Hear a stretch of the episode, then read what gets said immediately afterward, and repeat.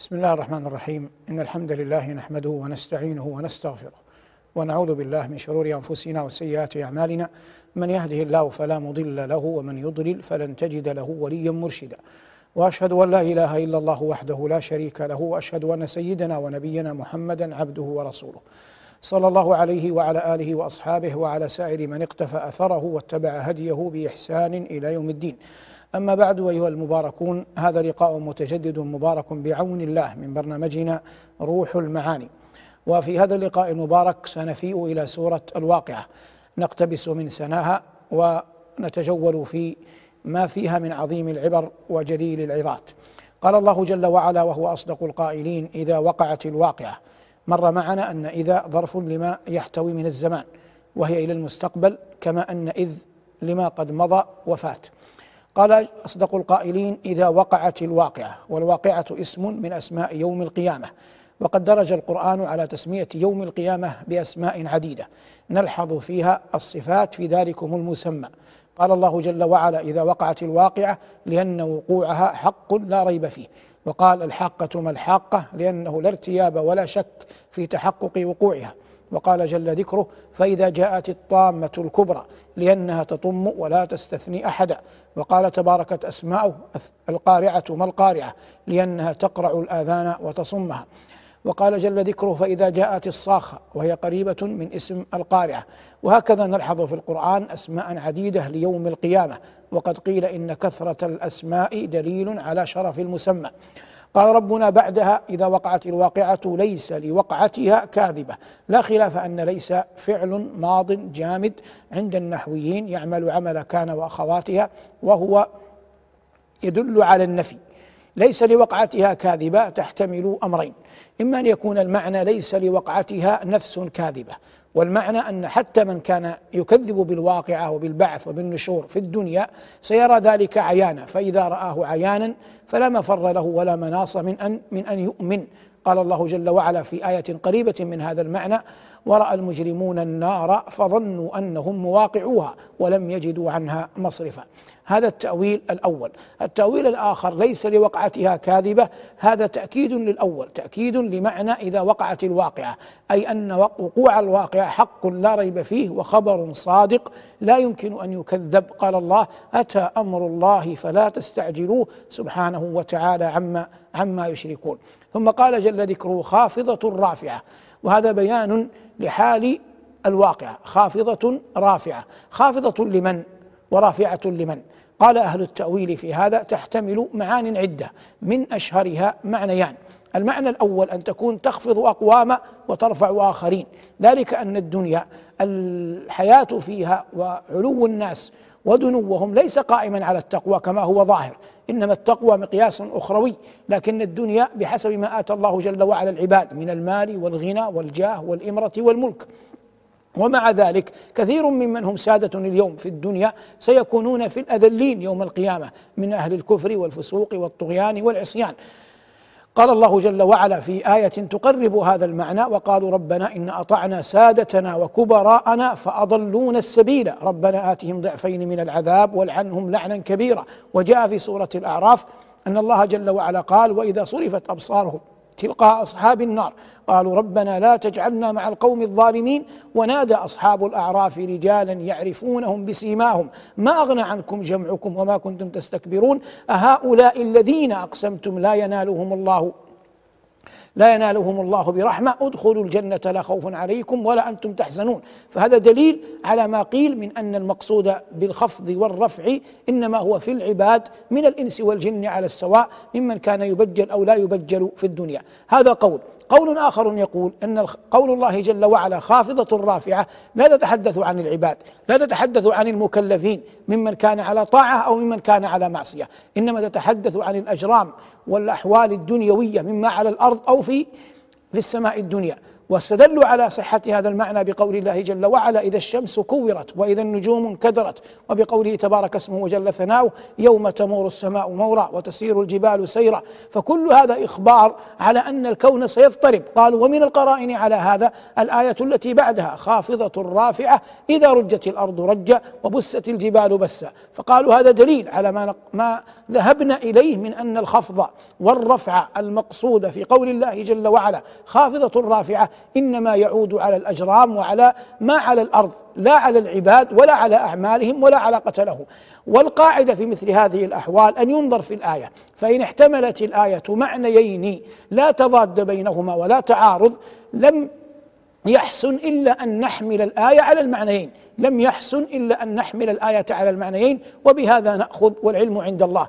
قال ربنا خافضة رافعة إذا رجت الأرض رجا وبست الجبال بسا. ثم ذكر الله جل وعلا أقسام الناس في يوم الحشر وبأنهم أصحاب ميمنة وأصحاب مشأمة وبأنهم سابقون مقربون. هذا التقسيم باعتبار صدور الناس إلى أرض المحشر. أما في الدنيا فإن الله جل وعلا قال ثم قال عن عباده المؤمنين أنهم لا ينقسمون قط فقط إلى أصحاب يمين وسابقين بل قال غير ذلك. قال ربنا ثم أورثنا الكتاب الذين اصطفينا من عبادنا فمنهم ظالم لنفسه ومنهم مقتصد ومنهم سابق بالخيرات بإذن الله. ذلك هو الفضل الكبير. فقسمهم في الدنيا بهذا التقسيم. لكن مآلهم يوم الآخر يوم القيامة إلى أصحاب يمين وإلى سابقين. وأما غير المؤمنين فليس لهم إلا مآل واحد هو أنهم كفار وأنهم من أصحاب الشمال. ثم أصحاب الشمال هم أنفسهم يختلفون اختلافا كبيرا كما هو معلوم. إن المنافقين في الدرك الأسفل من النار. ايا كان المعنى هنا فالمقصود قول الله جل وعلا والسابقون السابقون أولئك المقربون. أولئك اسم إشارة يراد به التعظيم ولذلك جيء به بلام البعد المقربون لم يقل جل وعلا المتقربون. دلالة على أنهم قربوا بفضل من الله محض. ومن هنا يقول الصالحون إذا أدخل إذا أدخلوا الجنة وما كنا لنهتدي لولا أن هدانا الله لقد جاءت رسل ربنا بالحق. وقولهم لقد جاءت رسل ربنا بالحق. يقولها المؤمنون يوم القيامة؟ ونحن نعلم أن القيامة ليست مقام تكليف لكنهم يقولون لقد جاءت رسل ربنا بالحق. قالوها في الدنيا تعبدا ويقولونها يوم القيامة تلذذا. قالوها في الدنيا تعبدا. يثابون عليه. ويقولونها في الآخرة تلذذا بأنها نفعتهم يوم لقوا الله. لقد جاءت رسل ربنا بالحق ونودوا أن تلكم الجنة أورثتموها بما كنتم تعملون وهذا في الأعراف.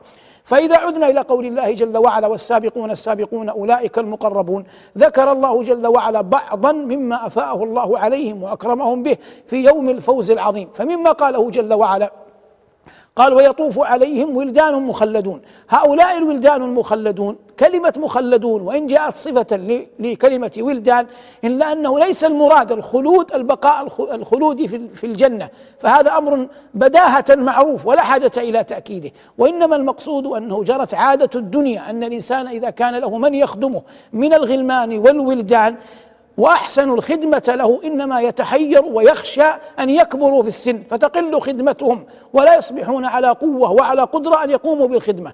فربنا يخبر عباده الصالحين وأولياءه المتقين أن من يقوم على خدمتهم في الآخرة لا يشيبون يبقون كما هم ولدان. قال الله جل وعلا في سورة الإنسان ويطوف عليهم ولدان له ويطوف عليهم ولدان مخلدون. وقال جل وعلا إذا رأيتهم حسبتهم لؤلؤا منثورا. لؤلؤا منثورا غير منتظم. أي حيثما التفت العبد المنعم في الجنة يجد خلفه وراءه أمامه بين عينيه عن شماله عن يمينه من هو واقف له ينتظر الأمر بالخدمة وهذا من إكرام الله جل وعلا لأوليائه ومنحه تبارك وتعالى لأصفيائه. قال ربنا هنا ويطوف عليهم ولدان مخلدون. ثم قال جل وعلا بعد أن ذكر شيئا من نعيمهم قال وفاكهة مما يتخيرون ولحم طير مما يشتهون. قدمت الفاكهة على اللحم. والصواب أن تفقه الآية جيدا. متى يكون هذا؟ يكون في الجنة. والجنة لا جوع فيها. إن لك أن لا تجوع فيها ولا تعرى. وأنك لا تظمأ فيها ولا تضحى. نحن في الدنيا نأكل الطعام الأصل الأول. ثم نتفكه. لكننا لا نتفكه قبل الأكل. لماذا؟ لأن المقصود سد الجوع. فنسد الجوع باللحم وأضرابه وأمثاله. ثم بعد ذلك بعد أن يشبع المرء يتفكه. فالتفكه حال الشبع معقول لكن لا يسد الجوع بالتفكه إنما يسد الجوع باللحم وأضرابه. فلما كانت الجنة لا جوع فيها لا حاجة أن يبدأ الإنسان باللحم لأننا في الجنة نسأل الله ذلك لا يأكل المؤمنون من أجل أن يشبعوا من أجل جوع إنما يأكلون تلذذا. فإذا كان الأصل في الأكل التلذذ فإنهم يبدأون بالفاكهة قبل قبل اللحم. قال الله جل ذكره وتباركت أسماؤه وفاكهة مما يتخيرون ولحم طير مما يشتهون. ثم قال تباركت أسماؤه وحور عين كأمثال اللؤلؤ المكنون. حور جمع حوراء وعين جمع عيناء وهذا كله في جمال العينين. ومعلوم أن جمال العينين من أعظم مفاتن المرأة ومن أجل ما يرغب الرجل فيها. تقول العرب وعينان قال الله كون فكانتا فعولان في الألباب ما تفعل الخمر. وقال جرير إن العيون التي في طرفها حور قتلننا ثم لم يحين قتلانا يصرعن ذا اللب حتى لا حراك به وهن أضعف خلق الله أركانا. نحن نقول نستطرد أحيانا. جرير شاعر أموي. معدود مع الفرزدق والأخطل من فحول شعراء العصر الأموي. وكان من بني تميم إلا أنه لم يكن من بطن عال في بني تميم بخلاف بخلاف الفرزدق. فساد الفرزدق في الفخر. أما غير ذلك من أغراض الشعر فساد فيها فساد فيها جرير فالفرزدق يقول فبيتان بيت الله نحن ولاته وبيت بأعلى إيلياء مشرف. لنا العزة الق...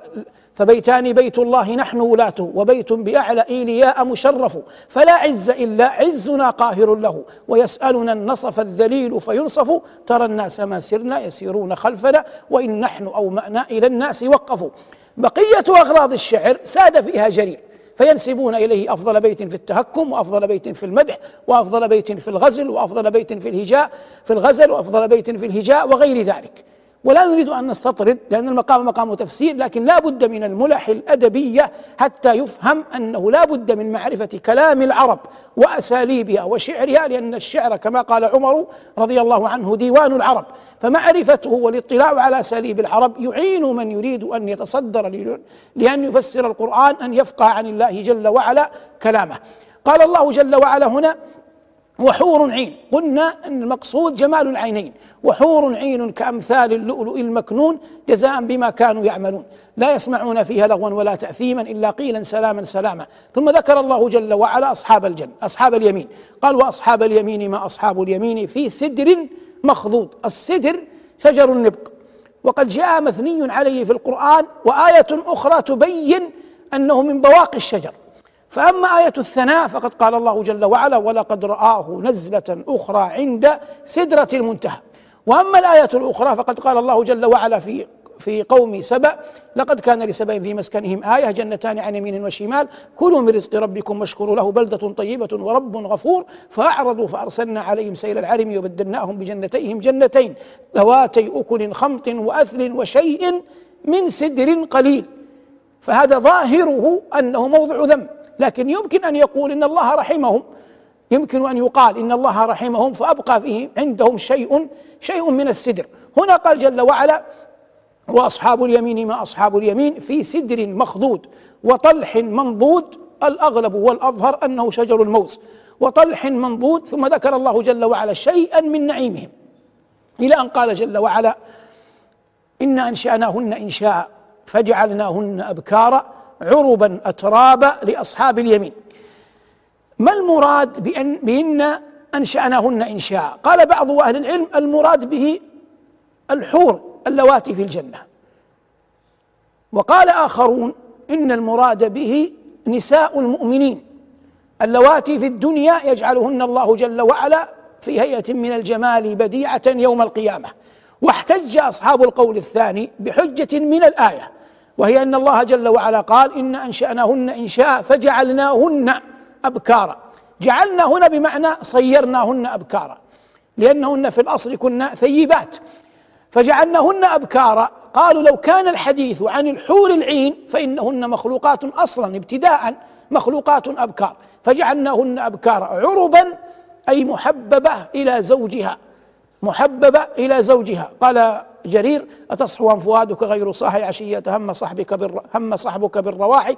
تقول العاذلات علاك شيب هذا الشيب يمنعني مراحي. يكلفني فؤادي من هواه ضعائن يجتزعن على رماحي. عرابا لم يدن مع النصارى ولم يأكن من سمك القراحي. فقوله عرابا مقتبس من هذه الآية تقريبا في أن المرأة تكون محببة إلى زوجها. أترابا أي أنهم أبناء جيل واحد أبناء جيل واحد أو أبناء سن واحدة.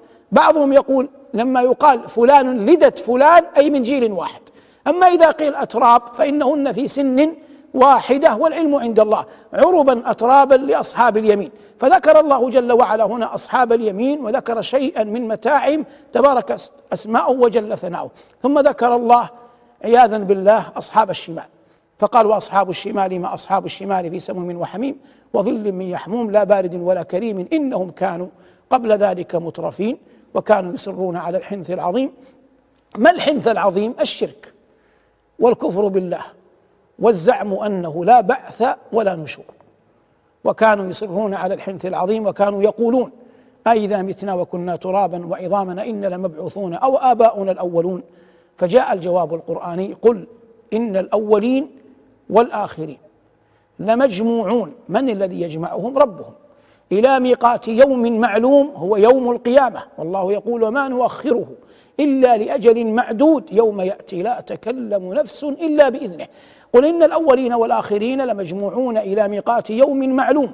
ثم إنكم أيها الضالون المكذبون لآكلون من شجر من زقوم. وقد تكلمنا عن الزقوم في لقاءات سابقة وبينا أن شجرة الزقوم هي الشجرة المذكورة بذم في القرآن. قال ربنا وما جعلنا الرؤيا التي أريناك إلا فتنة للناس والشجرة الملعونة في القرآن. ملعونة ليس المعنى أن الله قال لعنا تلك الشجرة وإنما المعنى أن الله جل وعلا ذكرها بذم. لم يذكرها بأمر حسن لأنها طعام الأثيم. فذكر الله جل وعلا هنا شيئا من مما يعذب به أهل النار. ثم جاءت الآيات تبين إقامة الحجة عليهم في أن الله وحده من يخلق ووحده من ووحده من يرزق ووحده من يحيي ووحده من يميت. فوجب أن لا يعبد أحد سواه ولا أحد معه. تبارك اسمه وجل ثناؤه. فقال جل وعلا أفرأيتم أفرأيتم الماء الذي تشربون؟ أأنتم أنزلتموه من المزن أم نحن المنزلون نحن جعلناه أجاجا فلولا تشكرون. قبلها قال أفرأيتم ما تحرثون؟ أنتم تزرعونه أم نحن الزارعون؟ لو نشاء لجعلناه حطاما. قال باللام لجعلناه حطاما. فظلتم تفكهون. في الماء قال لو نشاء جعلناه أجاجا. أجاجا أي يصبح غير مسوق للشراب. وحطامة يصبح زرعا قاعا صفصفا لا لا ينتفع به. فلماذا جيء باللام في الأول ولم يؤت باللام في الثاني؟ لأن الأول غالب الزروع أنها قليلة العاهات. الزرع قليل العاهات. قليل أن يتغير أن تصيبه جوائح وإن كانت تصيبه. لكن التغير في الماء أكثر. التغير في الماء أكثر. فلما كان التغير في الماء أكثر مشاهدة حذفت اللام. ولما كان التغير في الماء في الزرع والثمار أقل من كثرته في الماء جيء باللام للتوكيد. لو نشاء لجعلناه حطاما فظلتم تفكهون إن لمغرمون بل نحن محرومون. أفرأيتم الماء الذي تشربون؟ أأنتم أنزلتموه من المزن أم نحن المنزلون؟ لو نشاء جعلناه أجاجا فلولا تشكرون. ثم ذكر الله جل وعلا بعد أن ذكر النار وإقامة الحجة على خلقها في عباده قال جل وعلا فلا أقسم بمواقع النجوم. اختلف في المراد بمواقع النجوم. فمن له باع في الإعجاز العلمي يقولون إن للنجوم مواقع سحيقة ويتحدثون عنها طويلا مما لم يبلغه علمنا. وأما من سبق من العلماء فإن بعضهم يقول المقصود بمواقع النجوم تنزل القرآن. تنزل القرآن. يقولون إن القرآن نزل منجما أي مفرقا. وقرآنا فرقناه لتقرأه على الناس على مكث. فيقولون قول الله جل وعلا فلا أقسم بمواقع النجوم أي بمواطن تنزله أو بأحوال تنزله أو بأيام وليالي تنزله فلا أقسم بمواقع النجوم. ثم قال وإنه لقسم لو تعلمون عظيم. قالوا لما قال الله وإنه لقسم لو تعلمون عظيم؟ فأهل التفسير الأول يقولون لما اكتشفناه من مواقع النجوم السحيقة والبعيدة والسنين الضوئية. وأما الأولون فيقولون إن الله قال فلا أقسم بمواقع النجوم وإنه لقسم لو تعلمون عظيم إنه لقرآن كريم أن الله جل وعلا أقسم بالقرآن على القرآن أقسم بالقرآن على القرآن. فلهذا قال الله جل وعلا وإنه لقسم لو تعلمون عظيم. ثم جاء جواب القسم إنه لقرآن كريم. ما معنى لفظ كريم؟ الذي جاء صفة للقرآن هنا. كريم هنا بمعنى لا يخلق أي القرآن ولا يبلى مع كثرة الرد مع كثرة الترداد مع كثرة القراءة. منذ أن أنزل القرآن على قلب محمد بن عبد الله صلى الله عليه وسلم إلى يومنا هذا منذ أكثر من 1400 سنة وتزيد وهو يتلى في المحاريب يستنبط منه الفقهاء يتلوه العباد يحفظه الحفاظ يستشهد به البلغاء يأتم بفصاحته الفصحاء. الذكر آية ربك الكبرى التي فيها لباقي المعجزات غناء. جاء النبيون بالآيات فانصرمت وجئتنا بحكيم غير منصرم. آياته كلما طال المدى جدد يزينهن جلال العتق والقدم. أخوك عيسى دعا ميتا فقام له وأنت أحييت أجيالا من الرمم. مع هذا كله عبر القرون يبقى القرآن عظيما جليلا لا يخلق لا تمل الآذان سماعه ولا القلوب المطمئنة أن تركن إليه. فلهذا سمى الله جل وعلا كلامه كريما. وأما كلام أهل الدنيا كلام الملوك كلام الشعراء كلام الأدباء كلام السمار فإن كله كلما تردد مجته الآذان وسئمت منه الأنفس. ولم تحتفي به ولم يحتفي به من يقرأ عليه بخلاف كلام الله. فكلام الله تبارك وتعالى أعظم اثرا وأرقى فصاحة وأبلغ بلاغة وأعظم تأثيرا في القلوب. وينبغي أن يعلم أن القرآن أنزل ليعرف العباد بربهم وليتأثر به المؤمنون إذا قرأوه إذا قرأوه. لا ليتجر به ولا ليتنافس الناس في صدور المجالس أيهم أندى صوتا وأكمل اداء إنما حقيقة القرآن فيما يقع في القلب من تأثير والضابط فيه أن يقرأ الإنسان القرآن لوحده في ظلمة ليل أو في طرف نهار ثم يرى مدى خشوعه مع القرآن. الله يقول قل آمنوا به أو لا تؤمنوا. ما معنى قل آمنوا به أو لا تؤمنوا؟ إيمان الخلق جميعا بالقرآن لا يزيده رفعة. وكفر الخلق كلهم لو وقع بالقرآن لا لا ينقص من قدره شيئا. لما في الحالتين؟ لأنه كلام الله. قل آمنوا به أو لا تؤمنوا إن الذين أوتوا العلم من قبله إذا يتلى عليهم يخرون للأذقان سجدا ويقولون سبحان ربنا إن كان ربنا إن كان وعد ربنا لمفعولا ويخرون للأذقان يبكون ويزيدهم خشوعا. فهذا من معاني قول الله جل وعلا إنه لقرآن كريم في كتاب مكنون. لا يمسه لا يمس ماذا؟ لا يمس الكتاب. إلا المطهرون. هذه اللاء اللام اللاء وبوسطها ألف ليست لا الناهية فهي لام لا النافية أي لا جملة خبرية ليست إنشائية لكن قد يقال إن الخبر في القرآن يأتي بمعنى الإنشاء ومثل قول الله جل وعلا والوالدات يرضعن أولادهن أي يجب عليهن أن يرضعن أولادهن على بعض التفاسير. فقال جل وعلا لا يمسه إلا المطهرون أي أن الكتاب المكنون الذي فيه القرآن لا يمسه إلا المطهرون أي الملائكة. لكن يفهم منه إشارة على أنه لا ينبغي أن يمس القرآن إلا طاهر وفي هذا حديث مشهور صححه بعض أهل العلم يرون صحته أن لا يمس القرآن إلا طاهر. فجمهور أهل العلم على أن الإنسان لا يقرأ القرآن إلا وهو مجتنب للحدث الأكبر. أما الحدث الأصغر فيجوز أن يقرأ الإنسان القرآن من غير المصحف. لكن لو قرأه من كتاب تفسير أو مما يعرف الآن في شاشات الجوالات جاز هذا لأن شاشة الجوال لا تسمى مصحف وكتاب التفسير لا يسمى مصحف. أما من المصحف فلا بد من الطهارة من الحدثين الأصغر والأكبر قال الله جل وعلا لا يمسه إلا المطهرون تنزيل من رب العالمين. ثم قال أصدق القائلين أفبهذا الحديث أنتم مدهنون وتجعلون رزقكم أنكم تكذبون؟ فلولا إذا بلغت الحلقوم. ما التي بلغت الحلقوم؟ النفس والروح. وهي تسمى نفسا كما بينا في لقاءات سابقة ما دامت في الجسد. فإذا خرجت من الجسد تسمى روحا. فلولا إذا بلغت الحلقوم أي الروح. وأنتم من حول الميت. حينئذ تنظرون تنظرون إلى أي شيء؟ تنظرون إلى الميت. وأنتم حينئذ تنظرون. ولم يأتي ذكر للروح قبل ذلك. مع أن الضمير فلولا إذا بلغت الحلقوم بلغت التافي بلغت تاء تانيث والفاعل ضمير مستتر تقديره هي يعود على الروح. مع أن الروح لم تذكر لكن هذا من أساليب العرب في كلامها. قال أبو تمام كذا فليجل الخطب وليفدح الأمر فليس لعين لم يغض ماء عذر وقال قبله حاتم طي لعمرك ما يغني الثراء عن الفتى إذا حسرجت يوما وضاق به الصدر.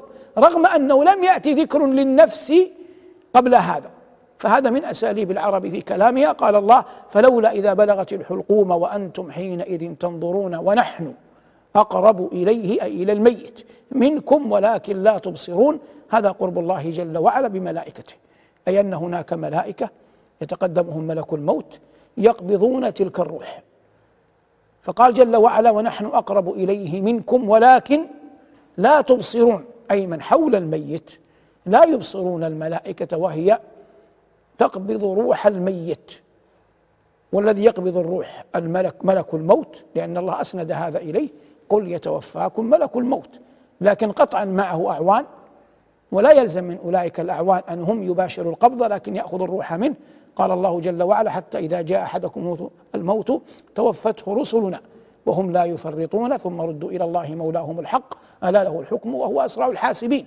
فقال توفته رسلنا. والمقصود الملائكة الذين مع ملك الموت. فقال ربنا جل وعلا فلولا إذا بلغت الحلقوم وأنتم حينئذ تنظرون ونحن أقرب إليه منكم ولكن لا تبصرون. فلولا إن كنتم غير مدينين. تزعمون أنه لا بعث ولا نشور ولا ثواب ولا عقاب ولا جزاء. فلولا إن كنتم غير مدينين. كما تزعمون حقا. ترجعونها. ترجعون ماذا؟ تعيدون الروح إلى الجسد. إن كنتم صادقين. وقطعا لا يست لا يستطيع أحد أن يعيد روحا حكم الله جل وعلا بقبضها. فلا أحد يموت قبل أجله. وقد قال عليه الصلاة والسلام إن روح القدس نفث في روعي أن نفسا لن تموت حتى تستكمل رزقها وأجلها فاتقوا الله وأجملوا في الطلب.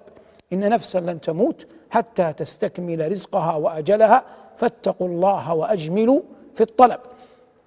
ربنا يقول حتى فإذا جاء أجلهم وقال جل وعلا كل نفس ذائقة الموت وهذا قدره الله فلا نقص فيه ولا زيادة. فقال ربنا جل وعلا ترجعونها إن كنتم صادقين. وقطعا محال أن يعيد أحد الروح أحد كما قال ربنا في القيامة كلا إذا بلغت التراقي وقيل من راق وظن أنه الفراق والتفت الساق بالساق.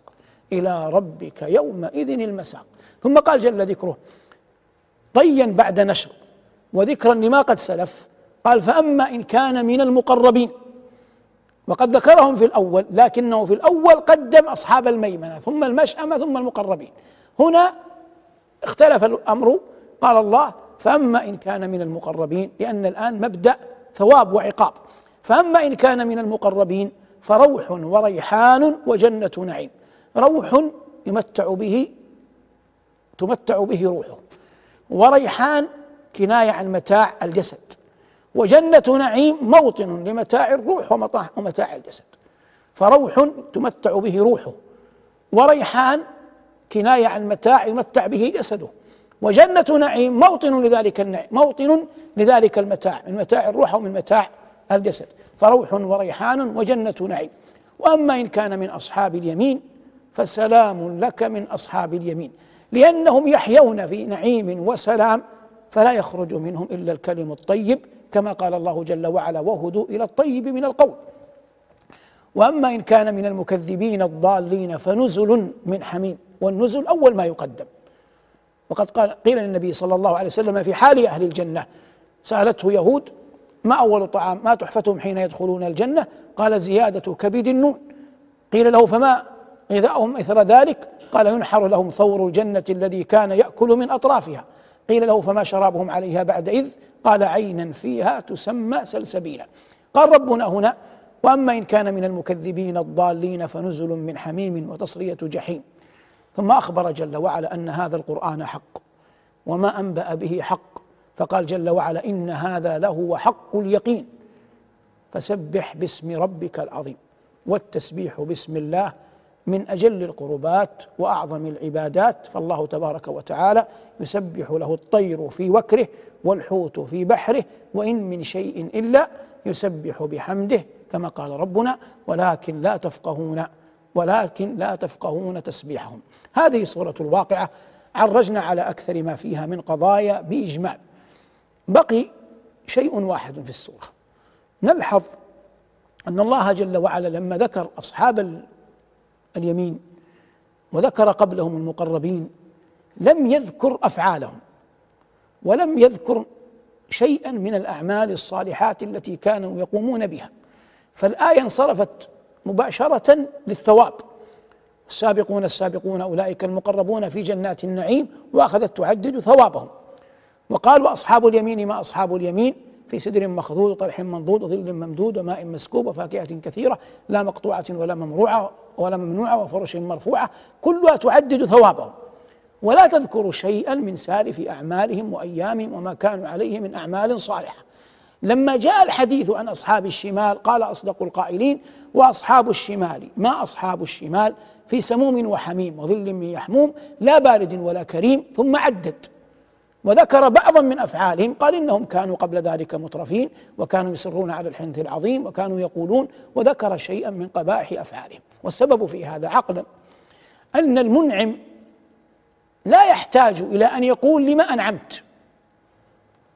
المنعم لا يحتاج إلى أن يقول لما أنا أنعمت.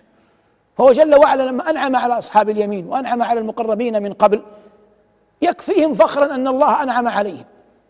أما أصحاب الشمال لأن المقام مقام تعذيب ومقام نكال.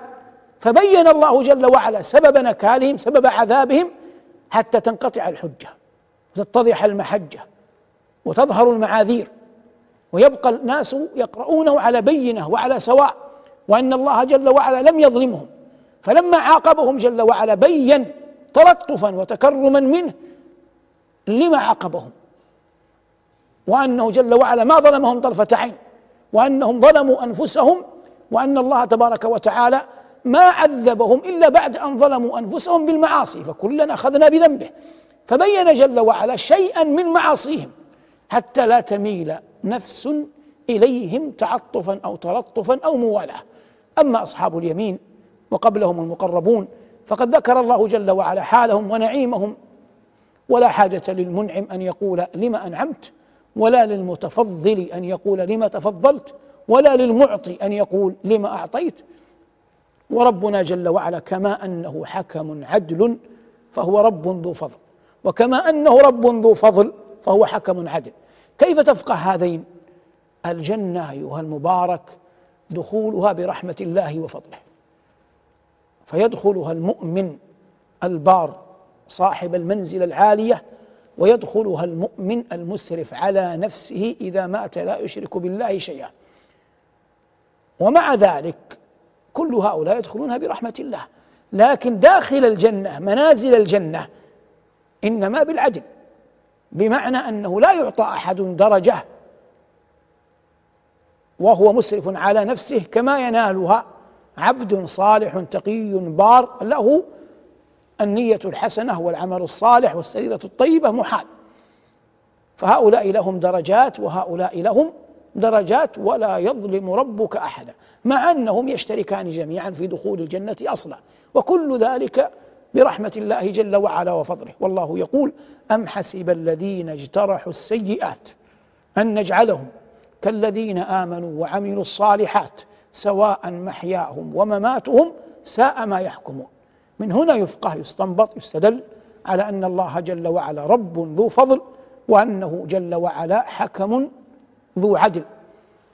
ومع ذلك قال الله جل وعلا في فصل الخطاب والقضاء بين الناس وقضي بينهم بالحق وهم لا يظلمون ولم يقل بالعدل لأن الحق يشتمل على العدل لكن العدل لا يستوفي الحق كله. فكم من من اسرف على نفسه لو عامله الله جل وعلا بمقتضى ذنوبه لهلك. لكن ربما غفر الله جل وعلا له ورحمه وآواه. وربنا يقول ويغفر ما دون ذلك لمن يشاء ويقول إن ربك واسع المغفرة ويقول وإني لغفار لمن تاب وآمن وعمل صالحا ثم اهتدى فيجب أن يأتي الإنسان أولا آلة العلم حتى يقدر على أن يفقه عن الله جل وعلا كلامه ويفقه من ويأخذ من القرآن المراد الحق. ومع ذلك يبقى الإنسان أيا كان حاله مهما بلغت درجته عرضة لأن يخطئ. والله يقول ولو كان من عند غير الله لوجدوا فيه اختلافا كثيرا. هذا أيها المباركون إجمالا ما يمكن أن نقوله عن سورة الواقعة السورة المكية التي هي من إحدى سور القرآن الذي ثبت الله جل وعلا به نبيه وبين له طرائق الحجة وأنواع المحجة هدى للناس ورحمة للعالمين وأقام الله فيه الحجة على المعاندين. بلغنا الله وإياكم من الخير أكثره وأجله وجعلنا الله وإياكم ممن يستمع القول فيتبع أحسنه وألبسنا الله وإياكم لباسي العافية والتقوى وصلى الله على محمد وآله والحمد لله رب العالمين. السلام عليكم ورحمة الله وبركاته.